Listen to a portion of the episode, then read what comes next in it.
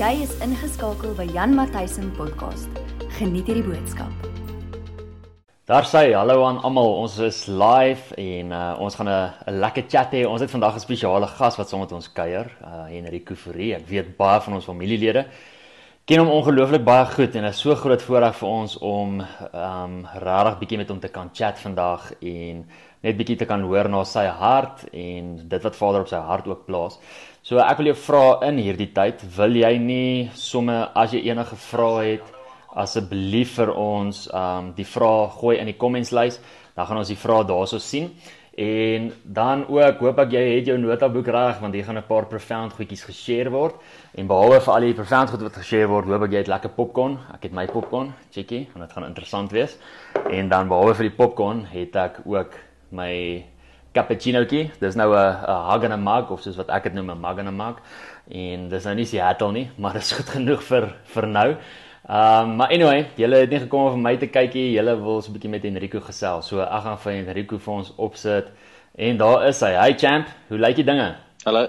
Goed en julle family? Lekker. Voel ons soos family by julle? Ja, nee, omtrent ou. Julle voel vir ons al soos family. Dis uh genuine lekker vir ons om jou op te. Ek sien jou jou jou gesig sny so klein bietjie af as jy as jy vir ons dalk bietjie meer senter kan beweeg, dan sal dit dan sal dit goed wees. Dan kan almal jou Okay. mooi sien. Maar ehm um, ja, dis hy. Enrico is vir ons 'n amazing voorreg om jou op te kan hê man en so bietjie met jou te kan te kan chat in hierdie tyd. Ek wil regtig vir jou sê vir my in die in die ministry is dit so belangrik om met die regte mense gekonnekte te wees en um een van my mentors het altyd vir my gesê kyk na die mense se oë. As jy nie skaars in hulle oë sien nie, dan weet jy hulle het nog nie 'n 'n journey gestap nie. Uh maar ek moet eerlik wees vir jou met jou want die oomblik wanneer ek na jou kyk kan ek regtig sien in jou oë dat jou oë glare van die feit dat jy jy kyk na na iemand anders se oë. Maar behalwe vir dit is daar 'n fragrance wat Wow. jy dra en daar's 'n anointing wat jy dra en ek honor dit genuine genuine ongelooflik baie. So um dis vir my so amazing voorreg om jou te kan ken en dit is vir my so amazing voorreg om saam te kan journey. Jy het in die laaste 2 jaar jy en uh, Anja vir ons regtig soos family geword. Um julle is soos baie baie goeie vriende van ons en ons waardeer julle ongelooflik baie.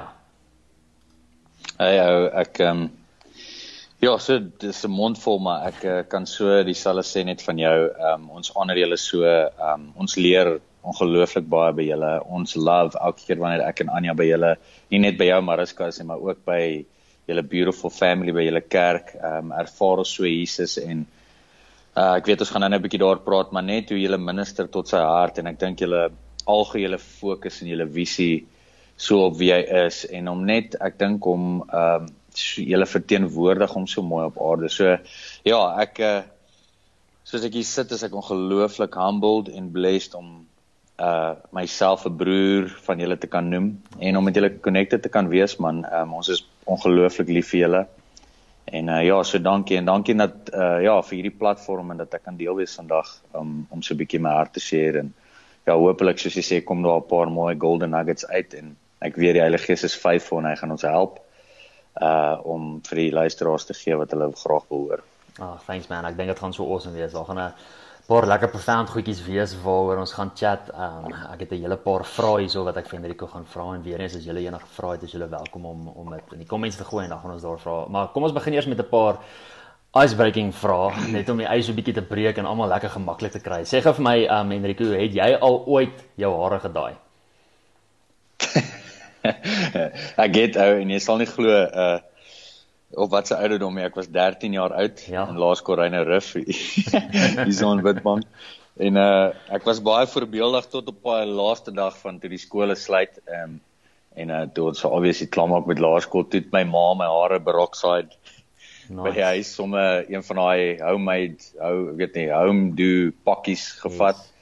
en uh, my hare was vir 'n rukkie so mooi wit maar toe raak dit mos daai geel kleur maar ek het ek het jy sal nie jy sal nie glo nie maar toe ons nou nog by die see gebly het is dit hoe ons gekyk het wie's walies die ouens wat hulle hare gebrokside was. Gebrokside het was altyd walies gewees wat hom opgedaag het by die see. Ja exactly. So ek was 'n walie toe ek 13 was. Jy was jy was definitief 'n walie. Ou sê gou vir my um mallet of mohawk ja maar ook definitief mohawk En ek het 'n foto van jou gesien op 'n album cover um met jou vorige band en toe het ek gesien jy het 'n lekker hairstyle gerok daar op die stadion Maar uh, ek ja, moet sê dit was in daai Mohawk era. Ja, dit was so. Maar ek moet sê ek ek verkies die, die mullet bo die bo die Mohawk. Dink jy nie ons moet dit bietjie terugbring nie? Ja, soos Justin Timberlake se se song Bringing Sexy Back. Dink jy nie dis tyd vir sulke goed nie? Ek ek dink se dude, daar's 'n gesegde wat sê wanneer kom by mullets kort vir werk en lank vir party, so. ons sal ons sal dit goed doen. Ons sal dit goed doen. Jy sien, uh, ek dink as jy dit gaan begin, um, dan gaan die ouens jou volg, jy's 'n trendsetter. Yes, ou, ek hoop so, want anders gaan ek alleen wees. ek sal jou join, ek sal join. Gou nog 'n gou nog 'n vraagie. Het jy ooit 'n Walkman besit? Yes, dude, ek het vir lank. Ook dit is laers einde laerskool, vroeg hoërskool. Musiek het my nogal vroeg gevat in my lewe. Awesome. Ehm um, en ek het 'n Walkman gehad. Nou dat jy dit noem, onthou ek dit. Yes man, what a legend tyd. Daai was goeie tye. Sê vir my wat was daai tyd wat in in daai Walkman was? yes dude, wil jy nou regtig weet? Ja, sê vir ons. ek ek seker op daai stadium van my lewe on average die die tipe CD wat gereeld daarin was was 'n tipiese boyband CD. Ek was 'n Westlife fan. Ek was 'n Boyzone fan. Ek was 'n Backstreet Boys fan. Nice man. Uh so daai was definitief die CD's wat in daai Walkman was. Daai het is uh, is legendary man. Ek onthou in my Walkman het ek Spice Girls geluister en uh. Aqua. Ja, Aqua het uh, Barbie Girl. Daai het dit het gebom. Barbie Girl. ja, ja, ja, wel. Nee, goed. uh, anyway, ehm um, net om kom ons raak 'n bietjie meer ernstig want anders gaan ons die hele dag net grappies maak. Ehm um, Ek gou by jou hoor, uh buddy, julle het laas jaar so September, Oktober se kant het julle julle album gelaunch. Uh ek dink dit is julle jou en Anja se tweede album saam, as ek dit as ek dit reg het. Yes. Wel tweede grootte, Tweede uh, ons het so to, tweede kleintjie wat ons het in studio gedoen het, maar hierdie is ja, tweede okay. groot projek saam. So is ons derde een technically. Okay, awesome. En uh die titel van die album was First Love gewees. Uh vertel ons net so klein bietjie bietjie oor jou album en veral rondom die titel First Love. Wat was julle wat was julle idee? Wat het Vader op julle hart gedruk rondom dit? Okay, cool man. Um, ja, uh die albumpie ek dink was nogal uh, um, dit het op 'n unieke tyd gebeur ook. Uh laas jaar uh was die jaar wat ek 30 jaar fisies 30 jaar oud geword het. En um, ook die eerste jaar wat ons voltyds uh waar ek voltyds uitgestap het in bediening. Alhoewel ons al vir die laaste 10 jaar of so bedien op die pad het ek 'n werk gehad tot uh uh voltydse werk gehad. Ehm um, en ehm um, so dit was baie uniek in die sin van uh ons vorige albumpies veral Arrows, ek weet nie wie van die mense onthou Arrows miskien nie, maar Awesome. uh dankie man. Dit uh dit was so ook in sy tyd en in seisoen en ehm um, ook die flavour rondom dit was so uniek. Ehm um, maar wat hierdie een ehm um, ook baie na in die hart vir ons gemaak het aan die production kant van sake was ons het actually te tyd gehad um, om baie betrokke te wees by die instrument gedeelte van dit en die composing van elke song wat wat great was wat ook ons harte is. Ek dink as mens soos groei, mens begin in jou lewe ehm um, seker maar om van iets te hou en dan as jy bereid is om te groei, jy weet dan kan jy 'n nuwe fasette ontdek en vir ons obviously om eventually dalk ook bietjie meer in producing in te gaan van ons eie goed was dit 'n baie goeie learning curve vir ons. Awesome. So dit is aan daai kant en dan obviously die ek ek ons het nogal gevoel met die First Love album uh die sound van die album is baie organic. Daar's 'n mooi gitaar grangs en Mm. jy hoor lekker hout as ek dit so kan stel. Um wat ek dink dalk meer ons harte is en meer soos die ouens in Engels sal sê ons signature sound word. Um so ja, dit is so aan die production kant, maar aan die ja, aan die titelkant um ek sê baie vir ouens en as ek sien wat nou gebeur in die wêreld uh dan baie keer weet mens, baie keer seker wanneer dit kom by profesie is jy seker jy weet dat jy weet oor hoekom jy sekere goed sê en proclaim en goed en dan obviously ander kere doen jy dit net uit obedience uit. Maar ek dink aan die een kant het ons definitief geweet hoekom ons dit doen as gevolg van 'n journey wat ek nou sou deel en aan die ander kant ek dink nie het ons ook ten volle die prentjie en idee gehad van wat God besig is mee in die aarde rondom die hele shaking wat ons tans ook beleef nie. En ehm um, ja, so die First Love journey het vir ons uh, in 2016 begin waar ons al redelik mooi aan die gang was met bediening, absoluut as gevolg van God se faithfulness en ehm um, dat hy ons regtig vertrou het wat amazing is om net vir ons deure oop te maak om by plekkies te bedien all over. En ons het toe in die middel van 2016 'n geleentheid gehad om Israel toe te gaan vir so jy kan dit seker maar so 3 weke sabbatical noem net om bietjie weg te breek. En uh, in daai stadium alhoewel ons lekker bedien het en ehm um, regtig die guns van die Here kon ervaar, was ek en Anja ook bietjie op 'n leë moe plek in onsself. Ehm um, en so dit was ons eerste keer Israel toe. Ehm um, en ek dink jy jy hoor altyd mooi getuienisse, maar ek was altyd die een wat gesê het uh ja, Israel sal net mooi bydra tot ons journey, maar ek dink dit gaan noodwendig my lewe verander nie. en ehm um, ek dink die Here het my absoluut verkeerd kom bewys. Ehm um, so in daai 3 weke uh wat ons daar was, was ons nie altyd deel van meeste van die tyd die deel van 'n groot toergroep soos wat baie mense wat dalk al gaan het gewoond is nie. Vir meeste van die tyd was net ek en Anja en ook 'n 'n 'n Tannie, Tannie Amanda, hulle wat daar bly wat ons gevat het na die verskillende spots toe om te besoek. So ons het regtig baie tyd gehad om stil te staan by plekkies en bietjie in die woord in te duik oor sekere gebeurtenisse daar en ook om dan die Heilige Gees te vertrou om jy weet goed te kom shift en nog te openbaar in ons harte. En ek onthou een van die plekkies was in die tuin van Getsemane by die Olyfberg. Ons was seker so 30 minute tot 45 minute in waar ons al gesit het. Ek het so 'n klein gitaartjie wat ek saamgevat het en ons het gejournal en ek onthou uh ek het so gejourney op daai gedeelte in Lukas 22 42 um Jesus se gebed in die tuin en ek onthou in daai tyd wat ek so op 'n journey vat die Heilige Gees my in hierdie beeld in. En ek sien letterlik vir Jesus afsak teen een van daai bome. Ons sal nou nie weet wat se boom dit was. Ek dink as mens geweet het, sou hy nie meer daar gewees het. Iemand sou hom kom steel het of iets, ek weet nie. Ontwortel het, maar en uh, in baie basiese vorm het ek gehoor hoe Jesus met die Vader praat en hy van sê regtig sonder enige aangeplakte religion of iets waar hy net van hom gesê het daar is tog geen ander way wat ons hierdie ding kan doen nie. Ehm um, En terwyl ek so in hierdie beeld is besef ek eers maar ek het hierdie storie al so baie gelees en mense het al baie preke oor dit gehoor. En ek weet obviously wat kom maar toe daai tweede gedeelte toe die Heilige Gees wel in die gees toe ek al was en ehm um, ek hoor Jesus sê maar geskied toe sny iets diep in my hart op daai oomblik. En ek dink toe besef ek, jy weet en ek uh my oë skiet te vol trane daar in die tuin van Getsemane en ek bely toe voor die Here en ek sê toe net vir hom tot 'n besef wat ek gekom het Here ek onthou in die begin was ek bereid om alles vir u te doen maar ek moet erken dat hier waar ek staan vandag is my hart op 'n plek wat ek al van u verwag het om alles vir my te doen.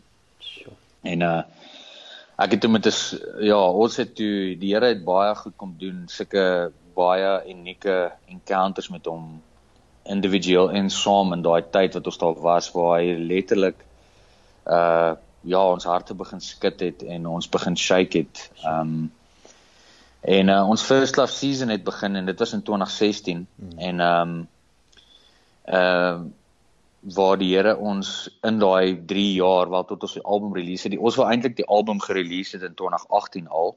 Uh maar dinge het net nie so uitgewerk en ons kon nadat ons nou laas jaar toe die album release het, obviously besef dat dinge het vir 'n rede gebeur, maar um, ons het so in daai tyd het die Here ons regtig harde vrae begin vra aan ons ehm um, en ons word regtig gekonfronteer en vir ons beautiful stories uit die Bybel kom gee wat hierdie first love journey weet vir ons enhance het en wakker gemaak het en ehm um, en ons het besef en dit is scary ek dink as mens mense men, ons het altyd daai gesegde gehoor van ons is besig met die dinge van die Here maar ons vergeet om by die Here van die dinge uit te kom.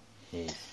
En ek dink ek besef net ek dink so 'n week of so terug besef ek net die erns van jy weet as ons en die belangrikheid van dat ons konstant vormbaar moet wees. Ehm um, dat ons regtig konstant intentioneel sagte klein se hande moet wees want dis in daai tye miskien ewen in hierdie tye die onverwagte tye wat hy goed wil kom doen en dan tref dit ons maar omdat ons osself ons hele wese soos in Engels sê klaar geheeld het tot sy hand kan hy kom vorm en doen wanneer hy wil, wat so oomblik hy wil. En in daai seisoen ook het hy regtig daai vorming in ons begin en ek het ehm um, hy het ons op 'n stadium na Matteus 16 toe gevat waar hy ons regtig gevra het net soos dit aan die disippels gevra het. Ehm um, uh yes, hy is excited oor. Dis ons onder sorry. nee, dis fyn. Het hy ons ehm um, daai vrae gevra soos wat hy die disippels gevra het uh, waar ek hierdie casual gesprek sien wat ek met baie mense deel amper asof hulle 'n snoekie op die vuur gehad het en lekker gegrap het met mekaar en Jesus het vir hulle gevra luister boeis daar waar ons beweeg deur die dorpies? Waar wie sê ek kon net 'n bietjie by julle hoor wie sê die mense is ek? Jy weet? En ehm um, asof hy Jesus so hierdie hidden agenda in sy hart gehad het soos hy baie gehad het ehm um, wat eintlik so mooi karakter van hom tentoonstel maar ehm um, en dan hoe hulle obviously antwoord en sê sommige sê is Johannes die Doper of hierdie profeet of wat ook al en is asof die atmosfeer so bietjie ernstig geraak en Jesus kyk so vir hulle en ek sien hom altyd in daai tyd so voor my staan en hy hy wys sy vingers so na my toe en hy praat so in my hart en hy sê okay dit is baie great um, om die hoor sê te hoor maar ek wil by julle hoor en by jou hoor vandag wie sê jy is ek sure. en ehm um, ek onthou in daai tyd Jesus het my hart regtig diep getref en uh ek het die Here gevra maar jy weet ek ek voel so 'n urgency op sy hart rondom die first love calling. En hy sien hoe ons invat en ek was amper half jy weet bekommerd as 'n kind. Jy weet uh as 'n stoute kind wat na sy pa toe gaan en sê maar hoekom vra uh, dad vir my al hierdie goed? Hoekom vra pa my al hierdie goed? Het ek iets verkeerd gedoen? Is pa bekommerd oor my? Mm. En uh, sy antwoord was regtig liefdevol en vir ons in daai tyd net om te sê, ehm um, nee, ek is ek is stil tevrede oor julle. Ek's baie lief vir julle. Julle doen regtig 'n amazing job. Maar daar's meer in stoor. Daar's meer in stoor vir julle en vir vir my wil om te geskied in julle lewens en vir die volgende seisoen wat kom het het ek nodig uh, as julle verlosser en redder om te weet dat julle weet wie ek is. Um en ons het uh So dis wat ons gevoel het ons wil die album noem First Love dat dit regtig 'n profetiese uh deklarasie is dat God die kerk terugroep na 'n plek van eerste liefde toe, 'n ja. plek waar hy nie net hierdie go-to is wanneer ons iets nodig het of wanneer ons in 'n krisis is nie, maar wat hy letterlik weer eens soos wat dit supposed was en is in die begin van tyd dat hy ons hele lewe sal wees dat uh ons hele lewe aan hom behoort. Selle Johannes 12, Lukas 10, die storie van Maria wat ek en jy al so baie oor gechat het en so uh ek weet julle ook journey en so mooi doen is net dat hy roep ons in Johannes 12 waar sy haar flesie uitgooi hmm. uh om ten spyte van opinies, ewen die opinies van die tafel af gekom het, die opinies van mense om uh om ons hele lewe so uit te giet. Um Mr. Sing liedjie en sê sy I I will waste my life weet en dit klink aan die een kant so snaaks as wat dit sê aan die ander kant maak dit absoluut sin. Ja. Jy weet dat ons ons lewens sal waste vir hom want hy is hy is ons lewe, hy is ja. waar alles gaan en dan Lukas 10 waar sy aandagtig by sy voete sit en en ehm um, absoluut in awe is oor dit wat hy deel in die kamer. Ehm um, en so aan soos wat daai stukkie in die Passion Translation sê waar hy met Martha praat en sê hoekom is jy so so distracted, so upset, so pulled away by so many things? En dan sê hy daarvoor but uh, Mary has chosen the one good thing. And that was to sit at my feet and I will not take this opportunity. And ek dink dis daai ding wat hy vir ons gesê het luister Enrico en Anja kies kies die one good thing en dan gaan mens weer na Dawid toe. Hmm. wat hy in Psalm 27 sê there's one thing. En ek onthou uh 2018 was ons na die laaste one thing toe by IOP uh, wat dit absoluut gaan oor one thing. And it's really just about him Uh, so dis so in kort, um, net half so so first love plumb line, uh inner healing, inner shifting, inner awakening wat die Here in ons harte gebring het. Um, waar ons ek dink mense met 'n bitterpil moes agterkom dat tog in sekere dele van ons harte en in ons journey met on het ons het ons maar net weer gewoond geraak en complacent geword en um, met ons harte weer eens um, soos hulle in Engels sê nam geword en het ons nie noodwendig aggeslaan soos wat ons moes op sy stem en op sy woorde en dan laaste ding wat ek net wil sê oor dit ek onthou uh ons het so op die strand geloop op 'n stadium en ek en Anja was lekker krapperig met mekaar en mekaar lekker geïrriteer so ons huwelik was ook op daai stadium um hier en daar maar seker omdat dit ons hele wese dan 'n beïnvloed het die kondisie van ons hart was ook maar op sekere dele nie op hom gebou nie. En ek onthou op die strand loop ons so en ek sê vir die Here maar um weet ek weet nie hoe gaan ons hierdie ding deurkom nie. Ek voel so moeg. Ek net so moeg om te battle en jy weet dis daai tipiese religion ding wanneer jou hart so complacent raak van daai performance ding, jy weet en jy kan ook net so lank perform en ons is nie geroep om te perform nie. Ehm um, en dan brand jy uit en dan kom jy net op 'n plek wat jy sê ja wel ek ek ek ek ek ek ek, ek kan nie hierdie ding meer vol en en ek onthou net uit so mooi vir my gefluister in my gees het sê my seun dis maklik jy gaan hierdie ding oorkom en vir die res van jou bestaan uh deur elke woord wat uit my mond uitkom Matteus 4:4 en ek onthou in daai tyd uh het ek daai quote van Bill Johnson by my opgekom wat hy gesê het um die mag actually wat ons sê daai ding van it's it's not about our inability to hear God's voice but it's about our willingness ja, to ja. open our hearts to listen to all the other voices en ek dink daai is die scary ding wanneer jou hart so complacent raak en actually numb vir vir hom en vir sy koninkryk dan laat mens maar goed toe jy begin buig voor goed wat jy nie suppose is om te buig jy ja. is nie in sy teenwoordigheid soos wat jy moet wees en dan hmm. uh kom ons maar soos die volk uh, onder die berg en sê wel Moses gaan vir ewig vat bou tog net vir ons iets waarvoor ons kan buig en ek onthou in daai tyd het die Here vir my gesê Rico as jy if you don't pursue my presence it's inevitable that you will build uh some golden calves and you will bow before them in your life. Ja. En ehm um, so ek dink dit was 'n mooi liefdevolle uitnodiging en 'n en 'n en 'n call van hom af om te sê luister julle ek ek sien ek sien klein goedjies wat groot goedjies kan word wat ehm um, dit wat ek vir julle beplan het ehm um, either gaan vertraag of might derail you completely. En uh so ja, dit is dit is ons first love story man en um en toe het ons rondom uh daai journey het ons 'n paar songs geskryf op die album wat ons voel regtig daar is asof daar 'n thread soos dit in Engels sê deur al die songs trek wat almal net weer terugbring na die fokus toe uh van wie hy is. Ja, dit is so powerful man. Sure. Thanks dat jy dit met ons deel hou. Ek dink ek dink baie ouens wanneer hulle na jou kyk dan dan sien hulle 'n worshipper. Ehm um, ek dink ons almal is is worshippers in ons harte. Ehm um, die oomblik wanneer ek na jou kyk dan dan sien ek meer as 'n worshipper. Ek ek ek sien 'n Dawid. Jy weet Dawid was wow. nie was nie net 'n worshipper nie. Hy was hy was koning wat beteken dat hy 'n ongelooflike goeie leier was. Um, en ek sien jou so wow. as 'n baie goeie leier en behalwe vir dit was hy ook een van die grootste prophetic voices gewees in die Ou Testament en die mense besef dit nie eers nie. Maar wow, ek, ja, ek meen die, die psalms is vol van profeseë oor Jesus en um, oor die kruisiging en oor alles wat daarso gaan gebeur en gebeur het. So ehm um, hy's hy's soveel so prophetic man en ek wil net vir jou sê ons onder jou ook as as dit dankie dat jy vir ons 'n Dawid is. Ehm um, en my my windjie loop hier so rond so dis sy wat vir ons lekker background noise het met haar met haar twintjies. maar dis wat gebeur as jy livestream hier so van die huis af. Ek weet nie of jy van ja, die, lekker. van die funny video's gesien het wat op Instagram is nie. Man, ek het al gelag. funny funny funny dingetjies hoor. Uh, wat sê een van daai is daai sakeman wat ons ook so eendag van 'n report moet gee dan hardloop sy kindertjie met die loopring daar agter hom in die kamer en ja, ja ek onthou ja, ja. so 'n paar sulke funny scenario's. Ja, ja. Ja, wel, hoe meer casual beter ons is by die huis. Lekker man. Dis hoe dit is. Cool.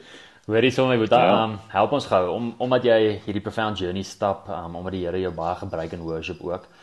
Ek weet daar's 'n daar's 'n konsep wat baie van die worshipers gebruik en ek dink nie die kerk uh verstaan dalk die konsep soos wat hulle veronderstel is om hierdie konsep te verstaan nie. Ehm um, en dit is die hele konsep van ehm um, baie ouens sal sal wanneer hulle besig is om te sing en veral veral wanneer hulle besig is om oor te gaan na spontaneous worship toe, dan sal hulle statements maak of songs sing ehm um, en God invite in hulle garden in. You know, will you come into my garden mm. uh tipe van ding. Mm. En ek dink dit is 'n baie mooi konsep, maar ek dink nie baie mense verstaan hierdie konsep heeltemal lekker nie. Kan jy dalk vir ons 'n bietjie lig gee op dit? Wat wat bedoel hulle daarmee? Ja, man, verseker. Ek dink ehm um, miskien net van 'n starting point af. Ek dink as mens was nie 'n groot deel nie, seker al die psalms lees, dan besef mens dat dit so poëtiek. Ehm um, en ehm um, dit is so daar word daar sulke mooi uitdrukkings, ewen metafories baie keer in die skrif en ek ek voel baie keer perk ons onsself ehm um, as ons ons hart nie oopmaak vir jy weet sulke goed en en en ehm um, So wanneer dit kom by dit, ek dink daar's ewen so baie ander expressions wat mens kan gebruik. Ehm um, wanneer mens God innooi of die Heilige Gees ehm um, nooi. Ehm um, en uh jy weet op 'n stadium praat Jesus ewen self van die feit dat hy klop aan die deure van ons hart. Jy weet dit is so mooi metafories. Daar's ag daar's seker duisende wat mens van kan praat. So maybe van die staanspoor af, ek dink moet ons baie keer besef en die mooi ding van worship leaders en wel op sig ons elkeen self ons el, elkeen worship sien en express ons worship op God op 'n baie unieke manier wat niemand anders kan nie. Ek kan nie soos jy worship jy kan nie soos ek worship jy. Ons kan dieselfde sang sing. yes. presies dieselfde sang sing, maar die anointing en die flavour sal totally different ja, wees. Want jy is Jan en ek is Hendriku. Ja. En uh, ek dink dis hoe God dit wil hê man en ek dink dis hoekom ons nodig dat die liggaam al hoe meer net altyd al hoe meer in unity kom en wees sodat ons God beter kan sien. Hoe meer ons in unity is, hoe beter kan die wêreld sien wie hy is. Um en ek het, ek onthou ek het so rukkie terug met julle gedeel. Ek onthou net lank terug daai fotootjie van of daai air shot, drone shot van Mandela wat die mense so op die rugbyveld mos so bymekaar gekom het almal en hierdie groep het sy hare gevorm en daai groep het sy oë en die neus en as jy nou uitzoom dan sien jy nou dis baie keer hoe ek of dit is nogal 'n mooi voorbeeld van my hoe ek ons as die liggaam sien uh jy weet wanneer ons so in ons verskillende flavours bymekaar kom uh in die manier ons om worship en um dan vorm dit 'n algehele prentjie waar ons actually sy gesig die beste kan sien ja, of kan sien wie hy is. Maar anyway. Ja. So ek voel net ons ons moenie onsself beperk en en so vinnig wees om te judge wanneer ek dink ewen wanneer dit kom by skryf, um Misty Edwards wat die song ook skryf Come into your garden wat ek glo sy uit Songs of Songs gevat het of uh hooglied soos in Afrikaans. Um dit is net so 'n manier hoe sy express het uh en hoe sy hom uitnooi. Um, sy kon dit seker anders sê. Maar ek ek voel dit is so biblical man to, om dit te sing come into your garden. Daar is actually soveel skrifgedeeltes wat praat oor dit. Uh toe jy my nou actually daar vra het ek nog 'n bietjie gaan journey daaroor, maar in Song of Songs 5 in die Passion Translation is dit so mooi hierdie uh wat Song of Songs overall is net so intiem man dit is yes. ek weet ons actually baie dele waar mense amper bietjie sal bloos as jy ja, van dit lees maar ek ek voel of uh ons die die kerk het daai openbaring nodig en miskien ja, ek dink daar sal baie gepraat oor Song of Songs en oor hierdie tipe invitations en expressions, die die intieme expressions hmm. rondom Jesus. Maar ek dink miskien nou meer as ooit gaan dit geelevate word omdat ons in die tye is waar ons is en ek dink omdat ehm uh, die openbaring van die bruid en die bruidegom al hoe meer nou tevore gaan kom. Ehm uh, want ek dink dit is die fase waarna ons beweeg. Uh en so ek sê altyd vir ouens ek sien myself gereeld met Jesus dans in 'n trourok. en uh dit is is dis baie funny aan die een kant, maar dis baie powerful en dynamic vir my aan die ander kant, jy weet. Ehm um, want hy ons is tog die bruid uh van die bruidegom. Yes. En so hier waar die waar hy met die Shulamite woman praat, soos wat dit daar geskryf was, is dit hierdie mooi intieme interaction and conversation. En hier in hierdie gedeelte praat hy en sê I have gathered from your heart my equal, my bride. I have gathered from my garden, en praat eintlik van haar, all my sacred spices, even my myrrh. I have tasted and enjoyed my wine within you. I have tasted with pleasure and uh, my pure milk, my honeycomb, which you yield to me. Jy sien, dit is so mooi hoe hy praat van haar hoe sy dit yield tot hom, die honeycomb, die milk en even die hy sê the tasting of the wine wat hy in haar ingegooi het, proe hy. Ja, sure. En dit is vir hom lieflik. I delight in gathering my sacred spice, all the fruits of my life I have gathered from within you, my paradise garden. So hy noem haar, hy, hy sê, "Yes, jy is hierdie beautiful tuin en en ek ek kom drink van hierdie wyn wat ek in jou ingegooi het, die the fruits that's in your garden, the pure milk, the honeycomb that you yield to me.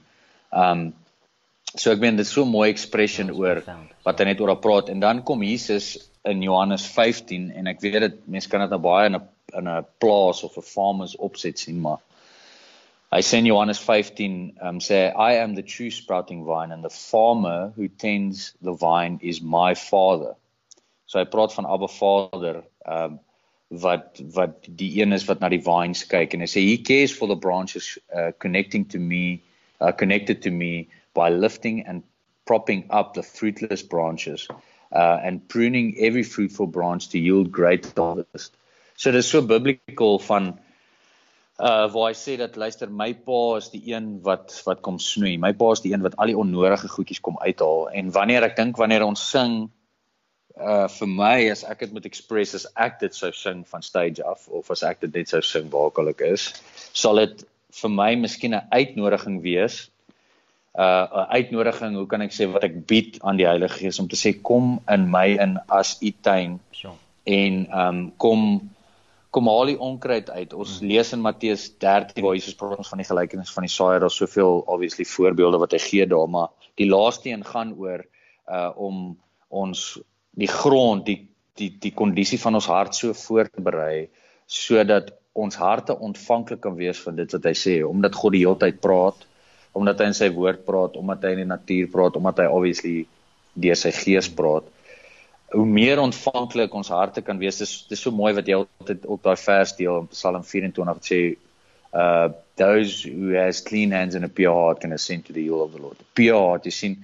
So daai uitnodiging, weer eens daai mooi expression is come into your garden is aan die een kant sal ek sê is is is kom in my hart in uh kom berei die die grond van my hart voor kom haal die onkruid uit kom haal die dorings uit dit wat die die vrug en van die saad wat u reeds geplant het in my hart probeer versmoor kom haal dit uit. Uh dan dink ek aan daai skrif wat sê um it's not by power nor by might but but through his spirit alone. Jy weet dat sy gees sal kom en dat hy goed sal move in ons hart want hy weet wat ons elkeen nodig het meer as wat ons het in ons harte. Yes, so daai purification en ook net daai om ons harte te vul met vrede en rus, 'n varsheid van van sy lewe en wie hy is. En dan aan die ander kant wil ek sê as mense ek dink om uitnooi en dit sing het ons ook 'n verantwoordelikheid. Ehm um, ek kan net gou vir julle lees wat sê dit hierso in Song of Songs 2 vers 15 tot 17 is dit so mooi wat sê you must catch the troubling foxes those sly little foxes that hinder our relationship for they raid our budding vineyard, vineyards of love to ruin what I've planted within you. So hier's 'n mooi request van hom af om te sê luister jy moet jou hart bewaar en jy moet waak teen daai jakkalsies wat wil kom steel van ons verhouding sê hyso. Die verhouding wat ons met die Vader het, die verhouding wat ons met die geliefde het. Um want hy weet hoe kosbaar dit is en hy weet ook hoe gevaarlik dit is as ons toelaat dat daai jakkalsies kom steel. En ek weet 1 Korintiërs 13 praat ons baie oor wanneer dit kom by ons verhouding met ons huweliksmaat, maar dis net so met hom. Jy weet en ek voel die opposite die jakkalsies wat die opposite is wat van kom steel um in in die garden is juis daai die mooi vrugte van liefde. Uh love suffers uh in in 1 Corinthians 13 love suffers long and is kind love does not envy love does not parade itself is not puffed up does not behave rudely does not seek its own mm. is not provoked thinks no evil does not rejoice in iniquity but rejoices in the truth bears all things, believes all things, hope all things. En dit so dit is ook 'n voorbeeld van ons verhouding met hom, die liefde wat ons vir hom het, die liefde wat hy vir ons het, waar ons liefde kan nie eens compare met daai perfekte liefde nie. Yes. Maar ehm um, so ja, ek weet dit is nou 'n massive opsomming oor ehm um, oor dit, maar uh ek dink dit is so biblical om dit te sing en ek dink nie ouens ouens moet juis hulle self dan gee vir daai lyntjie en hom uitnooi en sê want ek dink hierdie is die opsomming en hoe ek dit sien. Ek ek glo Jan jy sien dit ook dalk so en miskien op 'n meer unieke manier maar dat ons is sy garden dat uh in die gelykenis van die saaier dat ons harte is hierdie grond uh wat wat homself voorberei vir die woord van lewe vir sy woord wat um en sy saad wat obviously moet wortels skiet in ons hele wese sodat ons kan vrug dra, righteous vrug. Uh wat obviously net deur hom kom, ja. Ja. Ja, dis profound man. Thanks. Ek uh, ek dink dat dit help die mense ook baie, jy weet om om te te verstaan. Um want ek dink ek weet Andrea het dit ook al gesing, sy het ons 'n bietjie teaching gebring daaroor. Uh maar ek ek dink nie net vir waar ons as 'n familie is nie, maar vir vir die family reg oor die wêreld op die oomblik. Jy weet, is dit net so profound. Ek dink mm. baie keer sing worship leaders sekere goedjies omdat dit hulle journey is en omdat hulle die Here, jy weet, inskrif sien in dit en mediteer daarop. Um en maar dit word nie noodwendig 'n voice of dit word nie noodwendig vir die ander mense geleer nie.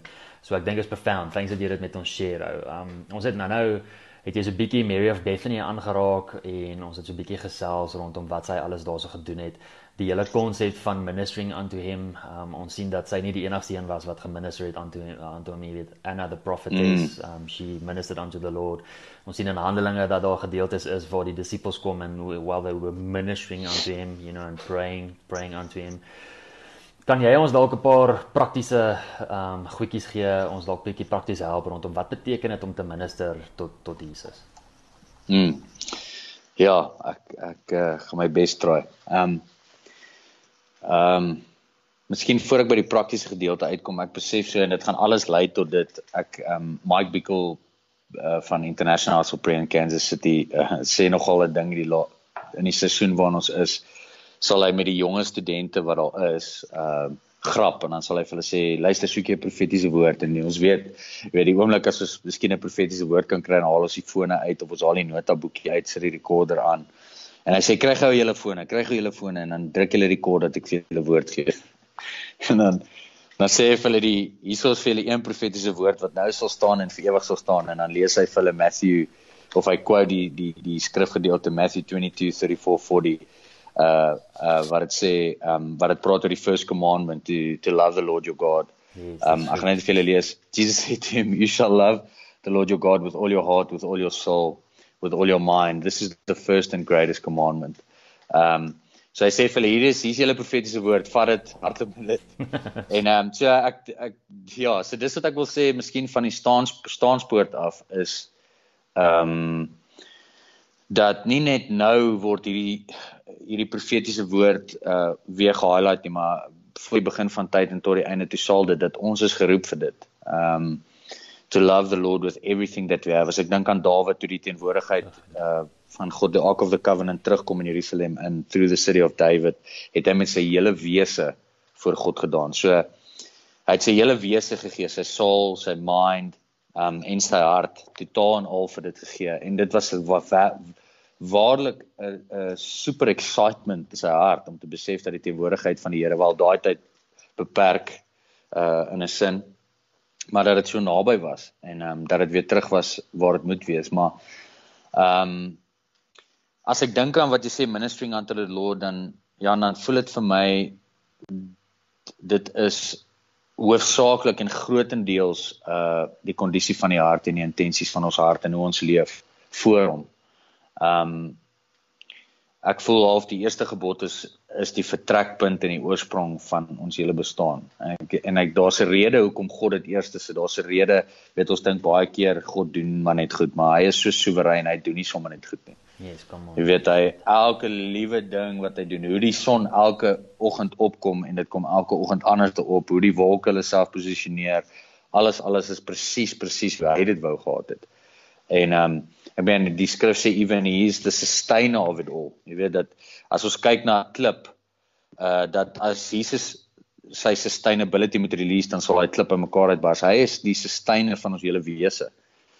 So ek voel half ons ons moet homself vir dit gee, ons moet onsself gee vir dit. En so wanneer kom by ministering aan toe kan mens dit nie beperk tot 'n sekere aksie nie. Ehm um, kom ek sê so dat worship is obviously a lifestyle uh, wel nie obviously nie. Dalk is daar baie mense. Kom ek sê so daar's dalk baie mense wat nie dit weet nie. So in Romeine 12 kom die Here en hy sê that you must bring your bodies as a sacrifice of praise daily before him and this is the most pleasing form of worship.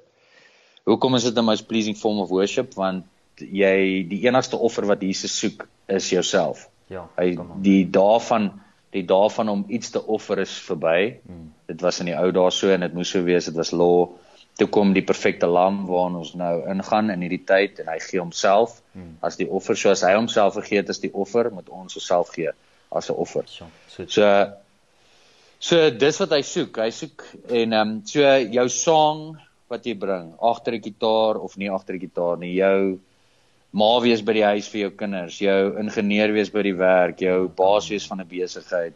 Dit is jou offer wat jy bring omdat dit deel is van jou wese dis in jou belangstelling, dis wat jy love om te doen. So dit vorm absoluut deel van wie jy is. So dit is wat hy soek. Um so dit is die most pleasing form of worship to him. So ek voel net mes ministering unto the Lord kan mens nie beperk tot 'n aksie nie. Dit dit gaan meer vir my oor 'n kondisie en 'n intensie van die hart. Met Kolossense 3 uh vers 23 tot 24 sê and whatever you do do it heartedly uh, as to the Lord and not to men. En dan vers 24 sê dit knowing that from the Lord you will receive the reward of the inheritance for you serve the Lord Christ. So hy sê dit so duidelik dat jy sal reward word. Hy is obviously hy is rewarder. Hy love dit om ons te reward. Mm. Dis in sy wese. Maar hy sê daar aan die einde uh for you serve the Lord Christ. So um ek kan net dis so die ding is is we have to worship him uh in alles wat ons doen. En um so dis so mooi. So any ministry which in my eyes uh in your life is di- is firstly directed to something else and not firstly directed to him is is called idolatry. So enigiets enigiets wat jy aanpak in die lewe, die Here praat baie keer met ons in die bediening, whether kom ons sê ons wil 'n volgende Facebook video release, volgende album wil dalk net iets sê, dan sê die Here vir my gereeld Enrico, wat is die intensie van jou hart? Hoekom wil jy dit sê? Is dit eerste gedirek sodat jy meer likes kan kry? Is dit eerste gedirek sodat jy 'n groot applous kan kry? Of of ewen kom ons sê in 'n goeie intensie, is dit eerste gedirek om mense se harte te shift?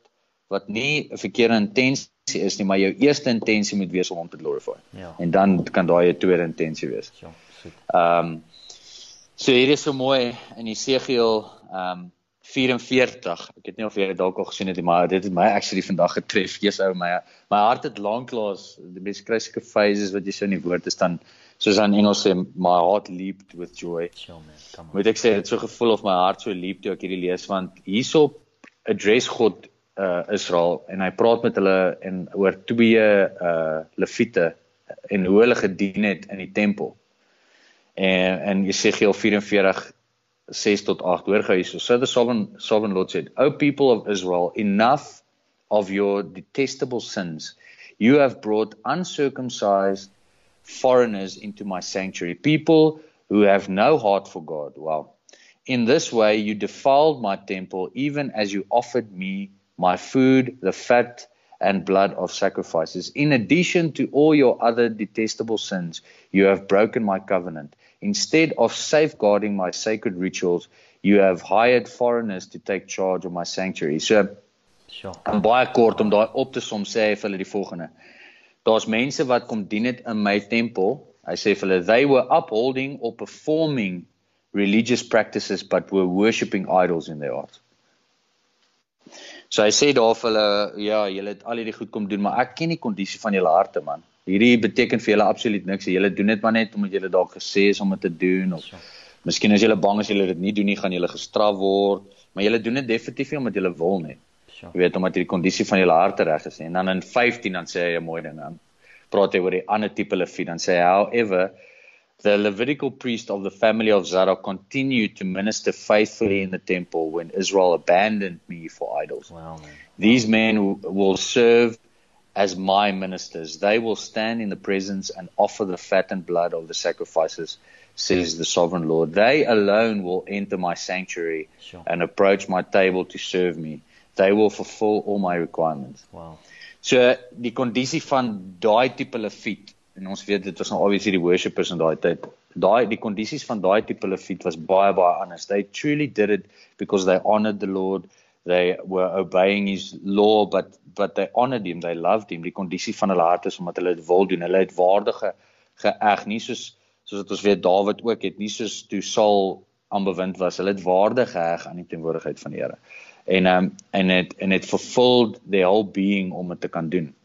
Um So dis wat ek wil sê, ek voel uh, as ek julle vir die wat luister 'n voorbeeld kan gee, um, jy weet how to minister to the Lord is die staanspoor van jou hele bestaan. Ewen jou tyd saam met die Here, jou opstaan in die oggend, jou werk toe gaan, jou ma wees, jou man wees, jou pa wees, whatever in vorm jy wil worship want worship is 'n leefstyl. Dat uh, ministering unto the Lord it will always be according to the first commandment voel ek maar dit gaan altyd wees om eers te jouself om te gee jou hele wese vir hom te gee. Ehm um, so enigiets wat jy aanpak ek onthou Michael Miller van Upper Room het mos gesê jy weet hulle die kerk plant Upper Room wat nou ongelooflik boom wêreldwyd hulle worship veral het hy daai tyd gesê daai tyd veral in Dallas en hulle area was daar baie ongesonde goed aan die gang daar was baie uh homoseksuele parades aan die gang en En hy het net soos gesê, "Jesus, uiteindelik die Here het hulle release gegee want Upper Room het as 'n prayer movement begin." Ehm um, en toe sê die Here vir hom, "Oké, okay, plant nou die kerk." En Michael sê hy is so excited om hierdie kerk te plant want hulle gaan nou minister tot die mense, die mense so gebroken, die mense so verlore. Uh hier is nou 'n goeie geleentheid en die Here stop hom en die Here sê vir hom, "Nee, Michael, wag, wag, wag. Kom ons kry net gou die volgorde reg van die begin af." En hy sê vir hom, "Jy moet hierdie kerk plant eerste toe minister aan toe men." Jy sien die intensies van jou hart moet nie eers te vir mense wees nie. Nou kan ouens, nou kan evangeliste dalk sê evangeliste kan ook sê nee nee nou wow dit is vir mense dis vir siele. Maar nou nie nie kruisig nie. Obviously is dit vir mense en vir siele maar alles word gebore uit first love uit. Alles word gebore out of the first commandment uit. Dis hoekom die tweede commandment tweede is and then love your neighbor as yourself. Want ons ek dink God se plan en idee was en Jesus toe hy met die disippels ook gepraat het is as hulle dat hulle dit moet verstaan dat hy die oorsprong in die lewe van alles is en hy's die hy's die wegspringblokke. As jy reg wegspring, sal jy die reis ordentlik voltooi, maar as jy die volgorde omruil, dan gaan jy uitgebrand raak. You're not going to do it well. It's definitely not going to honor him. It will honor him and I sal satisfied wees, but the honoring won't be dat die honoring kon beter gewees het as dit reg om was. En dit sou perfek so gewees het want ons sou dit gedoen het van uit 'n plek van intimacy en rus uh en dan uit daai plek uit van sy teenwoordigheid gee hy ons hart vir die nasies. Hy gee ons hart vir ons medemense. Hy gee ons hart vir So ek dink wanneer dit kom by ministering unto him en ek dink dis in hierdie tyd waarin ons beweeg veral met die first love ding waar uh Dawid ook net toe hy koning geword het in 1 Kronieke 13 waar hy sê die command gee dat the presence of the Lord will come back to its rightful place because for in the days of Saul it was not acquired that die Here die kerk sy sy mense weer leer en invite um in 'n plek in waar ons hom individueel in die binnekamer maar ook wanneer ons as saints as sy kinders bymekaar kom dat ons hom saam ordentlik waar ordentlik ek weet nou met te stel nie truly waarlik authentic sal lief hê. Um jy weet en en vir hom sal gee wat hom toekom en dan vanuit daai plek uit soos wat ons weet die rhythm of life van 'n Christen vanuit die secret place vanuit 'n plek waar ons gegather het in sy presence en hy ons volgemaak het met revelation, sy gees, rus, genesing. Vanuit daai plek dat ons dan in die wêreld sal gaan. Um so uh, ja, ministering unto the Lord, dit is 'n leefstyl, is 'n kondisie van die hart.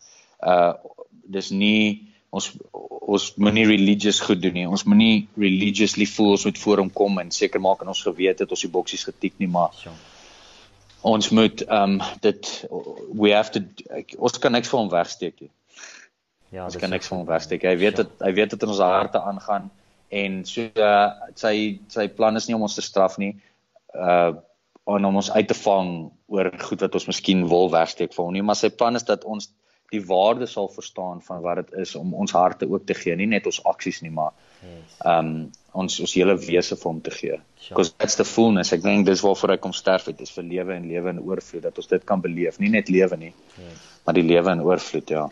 Ja, man, dis so profound. Ek love wat jy deel en Rico, thanks ou. En dis dis is so prakties en eintlik so eenvoudig ook. So ek weet dat die mense wat hierna luister regtig baie gaan baat vind by by dit. Ek waardeer dit man. Gou nog 'n vraag. Um in die in die laaste tyd veral in die lockdown voel ons erg dat die Here vir ons sê kom terug um, jy weet seek my face gaze upon me uh, look into my eyes. Dit dit gaan alles oor worship. Uh, ons het nou nou so 'n bietjie gesels oor die nuwe Facebook page wat gekom het worship South Africa. Uh, jy weet waar daar van 6:00 die oggend tot 12:00 in die aand die heeltyd konstant worship is um, wat so profound is en so amazing is. Um, Kan jy dalk vir ons so 'n bietjie meer vertel rondom wat gebeur in die gees die oomblik wanneer ons wanneer ons worship? Ja man. Ja, ek moet so saam met jou stem en ehm um, dis so amazing movement wat gebeur. Ek besef so hoe die Here, ek weet nie Jan of jy dit ook agterkom, maar die Here gebruik so moeilike tye, hmm. jy weet om ons net weer terug te trek. Dis maar ek dink deel van sy vorm nie formule nie, dis deel van sy proses dink ek. Ja. Uh wat ons al gesien het dat ehm um, dis nodig vir ons om baie keer aan die kant van die berg af te gaan in die valley in want dis daar waar ons geshape word. En ek onthou Jason Upton het gesê ons word nie geshape op die mountain tops en ons kan rus daar en hom geniet. Maar ja die shaping en die molding gebeur in in die onsekere seisoene en die frustrerende seisoene en life die ups and downs van lewe. En, en so ons kan nie daai goed probeer bypass nie en ek sal nie ons wil encourage om dit te doen nie. Alhoewel dit so taaf is en ek weet ouens wil baie keer net seasons laat verbygaan of ouens wens dalk net hierdie ding kan in 'n oogwink tot bygaan maar ehm um, die Here wil iets in ons harte kom doen man en ek dink soos om dan te kom by die worship gedeelte ek dink uh Todd White sê if life presses you jy weet as as as die pressing kom van alle kante af wat kom actually uit jou uit ja dis mooi. En eh, 'n mooi ding ek dink wat in hierdie tyd uitkom is 'n new sound. Ek dink regtig in die gees vir daar 'n new sound release in Suid-Afrika. Um in ons harte en ek dink ek het so gedink ook aan die geestelike aspek dat ons battle is verseker nie soos dit ons weet teen vlees en bloed nie. Um daar's iets agter hierdie virus ook. Daar's hierdie agendas, daar's 'n plan wat die vyand wil probeer uitvoer agter hierdie ding, maar wat ons weet nie sal prevail nie. Ons ken die einde van die storie. Ons weet on ons dien en ons is een met die koning van alle konings, the name above all names. So if you Dankie dat jy saam met ons geluister het. Onthou om te subscribe op hierdie podcast. Volg ook vir Jan op Facebook en YouTube. Tot 'n volgende keer. Die Here seën jou.